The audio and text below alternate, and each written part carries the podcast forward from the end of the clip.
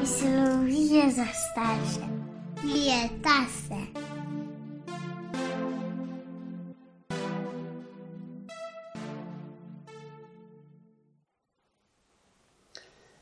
Pozdravljeni, tudi danes z vami Pavel in Tinkara. Živijo. In danes s temo o otrokovem čustvenem razvoju. V sklopu tega bi danes želela govoriti uh, ne samo o tem, kar mi vemo o otrokovem razvoju čustev, torej o teh manj kompleksnih do kompleksnejših, ampak oziroma predvsem o tem, kako tudi starši doprinesemo oziroma vplivamo na ta čustven razvoj. Um, starši se ob novorojenčku ali pa zelo majhnem dojenčku seveda zavedamo, da je ta čustven svet uh, otroka precej enostaven, če lahko tako rečem, um, ni še tako kompleksen, kot ga imamo mi kot odrasli. In da to pomeni, da je tudi način, kako on izraža čustva, um, omejen. Ja, mislim, da, da ta poteza neke, nekega nabora čustev, ki ga ima otrok na voljo pri tem, kako nekje prepoznava ene različne občutke v sebi ne, in seveda tudi kaže to, da je eh, nekaj, kar še ni razvito tako. Ne. Maso mm. zametki za to so, ampak da to je nekaj, kar je stvar enega postopnega razvoja in da tukaj seveda ta vloga staršev pri razvoju tega je zelo pomembna. Ne, in tako. Morda je dobro, da na začetku poveva neko Torej, da je otrokov temperament pri tem, seveda, ima zelo veliko vlogo. Um, kljub temu, da bova midva govorila o vseh tistih vplivih, ki pa hkrati tudi zelo pomembno uh, oblikujejo, um, kako otrok prepoznava čustva, kako jih zna prepoznavati pri sebi in drugih, in pa kako jih zna tudi izražati. Pri temperamentu vemo, da so to neke naše lastnosti, s katerimi se rodimo. In že pri novorojenčkih vidimo, da se različno intenzivno odzivajo na svoje okolje, da so eni morda bolj občutljivi, drugi uh, malo manj, da eni tudi, ko se vznemirijo, potrebujejo več časa, recimo, da se pomirijo, drugi to pomiritev hitreje dosežejo. Um, in to so stvari, ki so vezane torej na otrokov temperament, niso pa zaradi tega um, nespremenljive. Torej z, okoljem, v katerem otrok odrašča, lahko do neke mere na te čustvene izraze in prepoznavo tudi vplivamo. Hmm. No, tukaj tudi eh, velja izpostaviti to, ne, da seveda so neki osnovni občutki, ki imamo vsi tudi dostop do njih, ne, recimo jeza, žalost, in uh, veselje, zadovoljstvo. In uh, da pravzaprav to seveda tudi otroku nekje skozi eno interakcijo uh, podajamo. Ne? Se pravi, do neke mere velja, da so naše meje tudi meje otroka, ker seveda mm. mu, smo mi zmožni tiste čustvene, regulirane čustvene uh, odzive podajati uh, ali pa predstavljati ki jih tudi sami poznamo in lahko uporabljamo. Mm. In da se te otroci pravzaprav učijo ne, z enim opazovanjem. Mm -hmm. da, da gledajo, kaj se pa dogaja med odraslimi, kako se pa odzivajo, če je jeza, če je tisto. Ne. Um, tukaj mogoče kot ena misel, da je verjetno pomemben res, da je ta nabor čustv, s katerimi otrok nekje ve, kaj početi, da je res čim večji. Ne. Um, Včasih je težko, ne? ampak žalost uh, je tudi eno čustvo, ki je vedno prisotno. In, mm. zdaj, ne gre samo za to, da bi ena čustva nekje izklopila, neprijetna čustva, negativna čustva, ne da se jih izklopiti, vsa so prisotna. In bolj ko smo lahko mi v stiku z različnimi čustvi, ali pa otrok, ne? bolj ko se tega uči, boljš bo upremljen, verjetno v, pač v odraslem življenju. Nekoč, ne? ne le, da se jih ne da izklopiti izklopiti teh čustev negativnih, ampak da uh, jih pravzaprav tudi ne smemo izklopiti. Glede na to, da, da s tem zanikamo en pomemben del našega doživljanja, ki pa je prisoten, kot si rekel. Ne? Tako, uh, mislim, da je bistven del in to, kar si že prej omenila, da bo tudi se dotaknila, je ta del regulacije čustev. Mm. In če mi nismo upremljeni v smislu poznavanja čustev, potem jih tudi regulirati ne moramo. Ne? In če ne moramo svojih čustev regulirati, potem pomeni, da smo jim prepuščeni, da nas mm. preplavijo in da smo mi neki pasivni udeleženci tega stika s čustvom. Ne? Če, pa, če pa mi to regulacijo nekje uh, lahko zagotovimo, potem pa je tisto, kar je verjetno en, en, um, en cilj, tak idealen cilj, ene uspešne regulacije emocionalne, ki naj bi otrok razvil, ena, eno polno življenje, ker, ker so lahko polni pristni odnosi, mm. ker so te odzivi na, na stresno okolje ali pa na neke dejavnike primerni. Ne? Ja, to je verjetno nek ideal, kako mm. se ga da uh, doseči, pa drugo vprašanje. Ne? Ta čustvena regulacija se začne že pravzaprav takoj po takoj po rojstvu. Um, kljub temu, da kot sva že rekla, je takrat novorojenček um, še zelo osnoven v, v tem uh, čustvenem doživljanju. Ne? Torej je predvsem doživlja ugodje in pa neugodje. Torej nekaj, kar je prijetno in nekaj, kar ni prijetno. Um, in je mogoče tukaj samo ta intenziteta tista, ki je, se tukaj razlikuje. In ta regulacija, o kateri se ti govoril, se zgodi Torej, ne samo s tem, um, kar smo torej tudi že omenjali, z nekim posnemanjem, torej, da smo starši za vzgled otroku, ampak da sploh v tej najzgodnejših fazah je starš, večinoma v teh najzgodnejših, prav mama, uh, tisti, ki regulira otrokova čustva ali pa otrokovo doživljanje. In da otrok še ni tudi nevrološko, fiziološko zrel da bi to zmogel, seveda psihološko, posledično tudi ne, in zato potrebuje nekoga od zunaj, da, te, da to regulacijo naredi na mesto njega. En tak čisto enostaven primer, kadar se dojenček vznemiri, zato ker nekaj v bližini poči, je tukaj recimo mama, oče, babica, ki otroka pomiri s tem, da ga mogoče pri mlajšem otroku, dojenčku pač vzame v roke, ne, ga mogoče zaziba, ga pomiri, ga poboža. Um, veliko krat zraven že avtomatsko tudi rečemo, da je vse v redu, čeprav vemo, da nas dojenček še ne razume. Ne? Ampak večji kot bo otrok, bolj bo to zunanjo regulacijo in razumel, in tudi ga bo pomirila, in hkrati jo bo s tem tudi ponotranjal in se s tem učil, kako se sam enkrat regulirati v podobnih situacijah. Hmm. Tako se mi zdi, da iz tega primera je mogoče tudi lepo vidna vse ena struktura, ne, kako poteka ta čustvena regulacija. Ne. Se pravi, da. Mm, je v prvi vrsti ponovadi prisoten res ta del enega prepoznavanja občutkov. Ne? Uh mhm. -huh. Pri sebi, verjetno uh mhm. -huh. najprej, ampak tudi ob enem pri otroku. Um, drug, uh, drug del uh, pa je, po moje, no, ta, ta del poimenovanja. Ne? Se pravi, tudi tukaj, ne? Ko, ko se otrok ustraši, zakaj to doskrat kot starši se odzovemo tako, da, da rečemo, lej, aha, si se ustrašil te pa neki jezi. Ne? Zdaj, pomembno je seveda, kako je vse to nekje preneseno. Ne?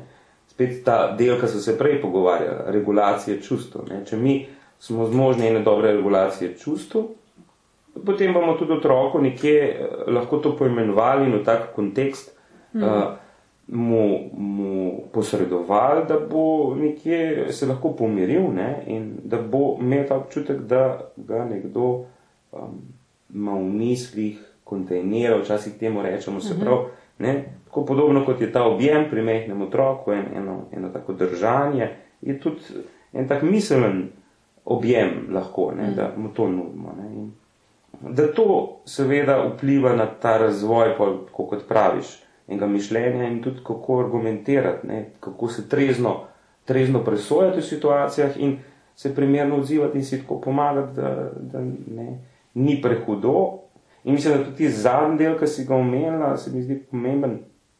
No, ni, nisi ga na zadnje omenila, ampak zadnji izmed stvari, ki si jih omenila, je, koliko je tukaj, sploh, ko gremo bi rekel, bolj proti tej točki nič rojstva otroka, um, koliko so te preverbalne vsebine tudi pomembne. Ne? Da že s tem, da naše pomeranje poteka na način enega ritmičnega gibanja, enih mm. zvokov, uh, tukaj, koliko je to za otroka pomembno, ampak tudi otrok na nek način tako komunicira, ne dolgo mm. In mm. zato je to nekje en pomemben del. No, se mi zdi tako, čist, še malo strukture na ta primer. Dat, no. mm -hmm.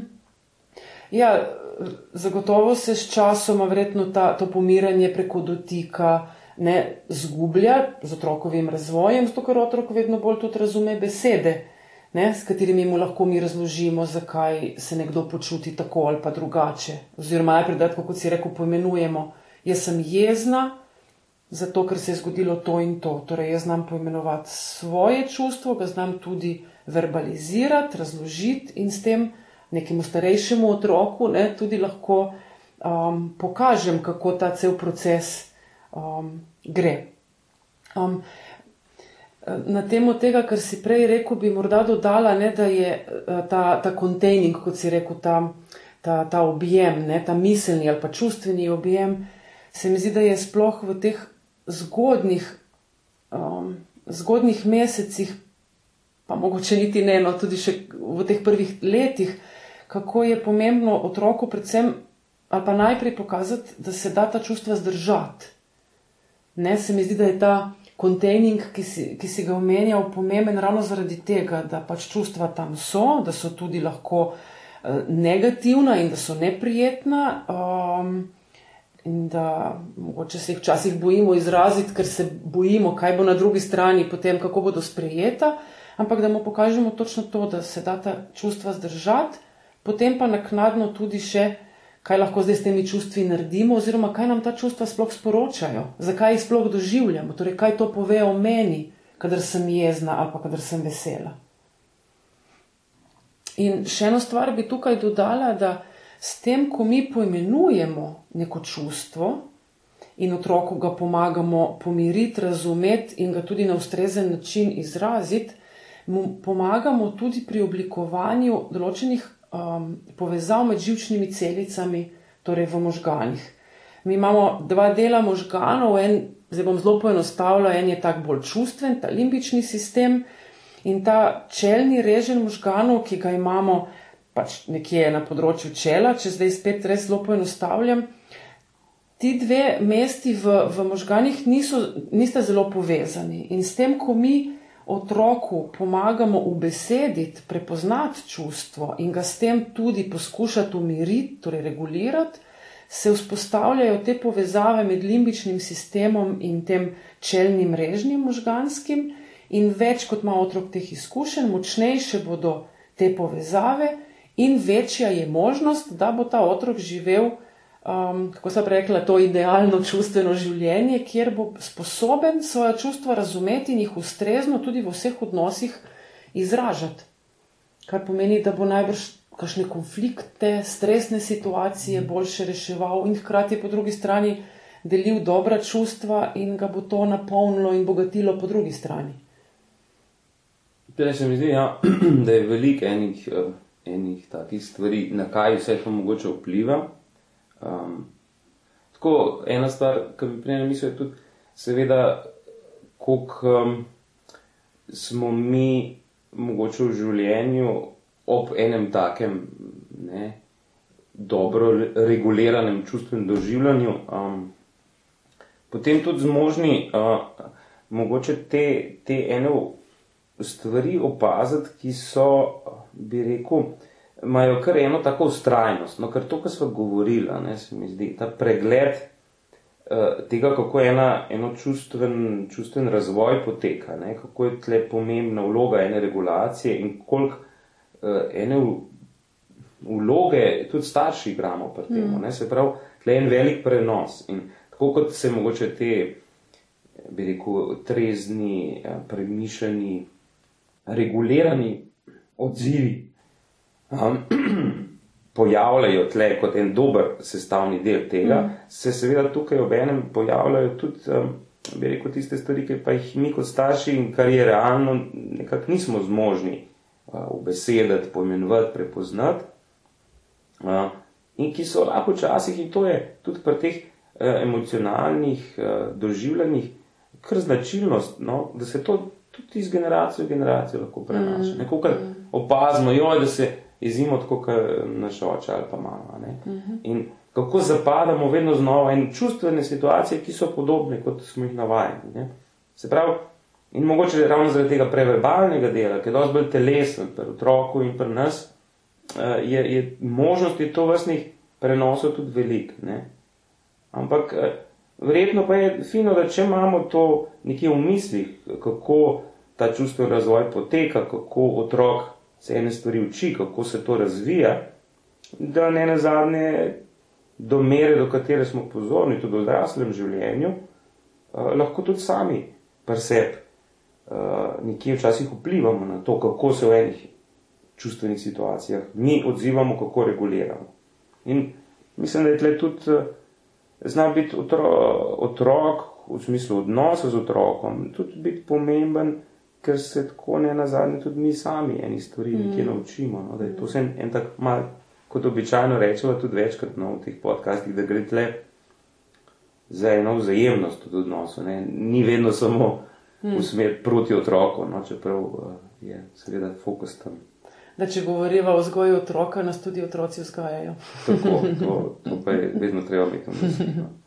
Ja, sej uh, zelo pogosto rečejo, da če ne prej, takrat, ko dobiš otroka, se zna on pritisniti na nekatere gumbe, ne, ki jih mogoče do takrat uh, smo jih varno nekam pospravili.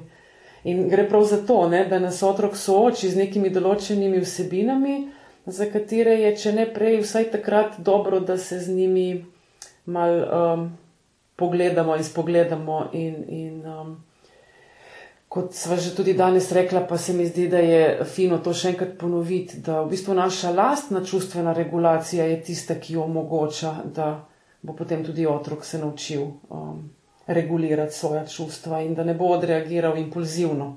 To, to je morda še en tak poudarek, no, ta impulzivnost, ki se zgodi ravno takrat, kadar je ta regulacija slaba in, je, um, in se misel, razumevanje, lastnega notranjega čustvenega doživljanja ne urine pred akcijo, ampak človek objezi, kar brcne, ugrizne.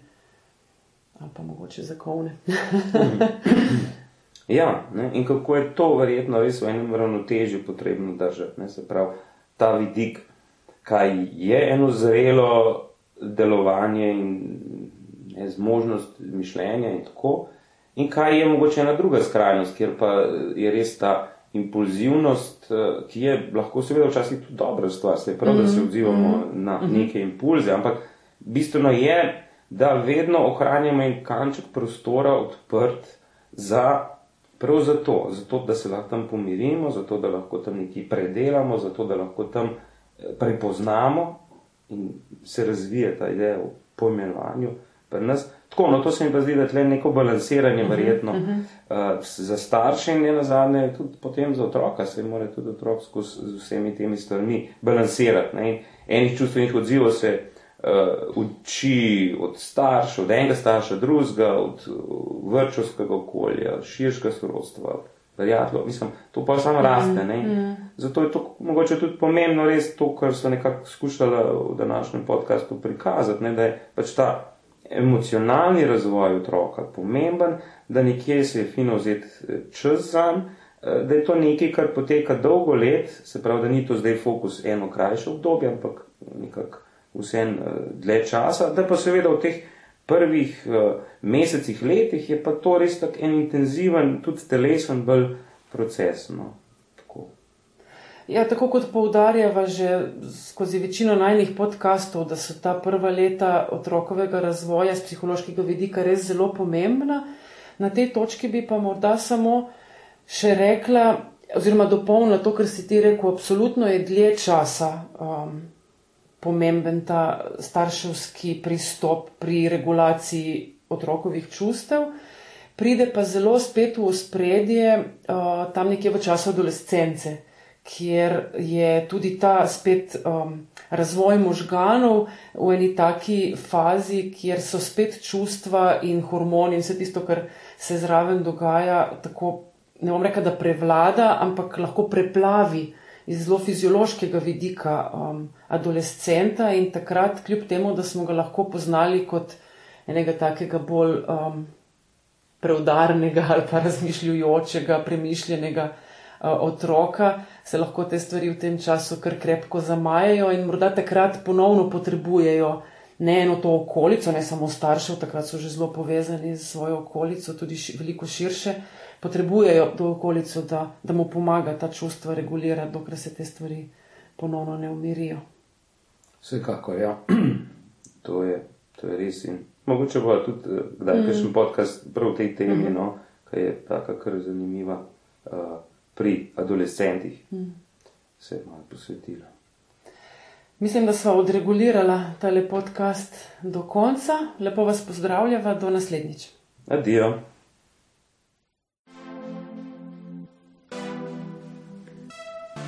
Hvala za vaš čas. Vesela bova vaših odzivov na družabnih omrežjih in deljenja psihologije za starše z vsemi, ki jih to tudi utegne zanimati.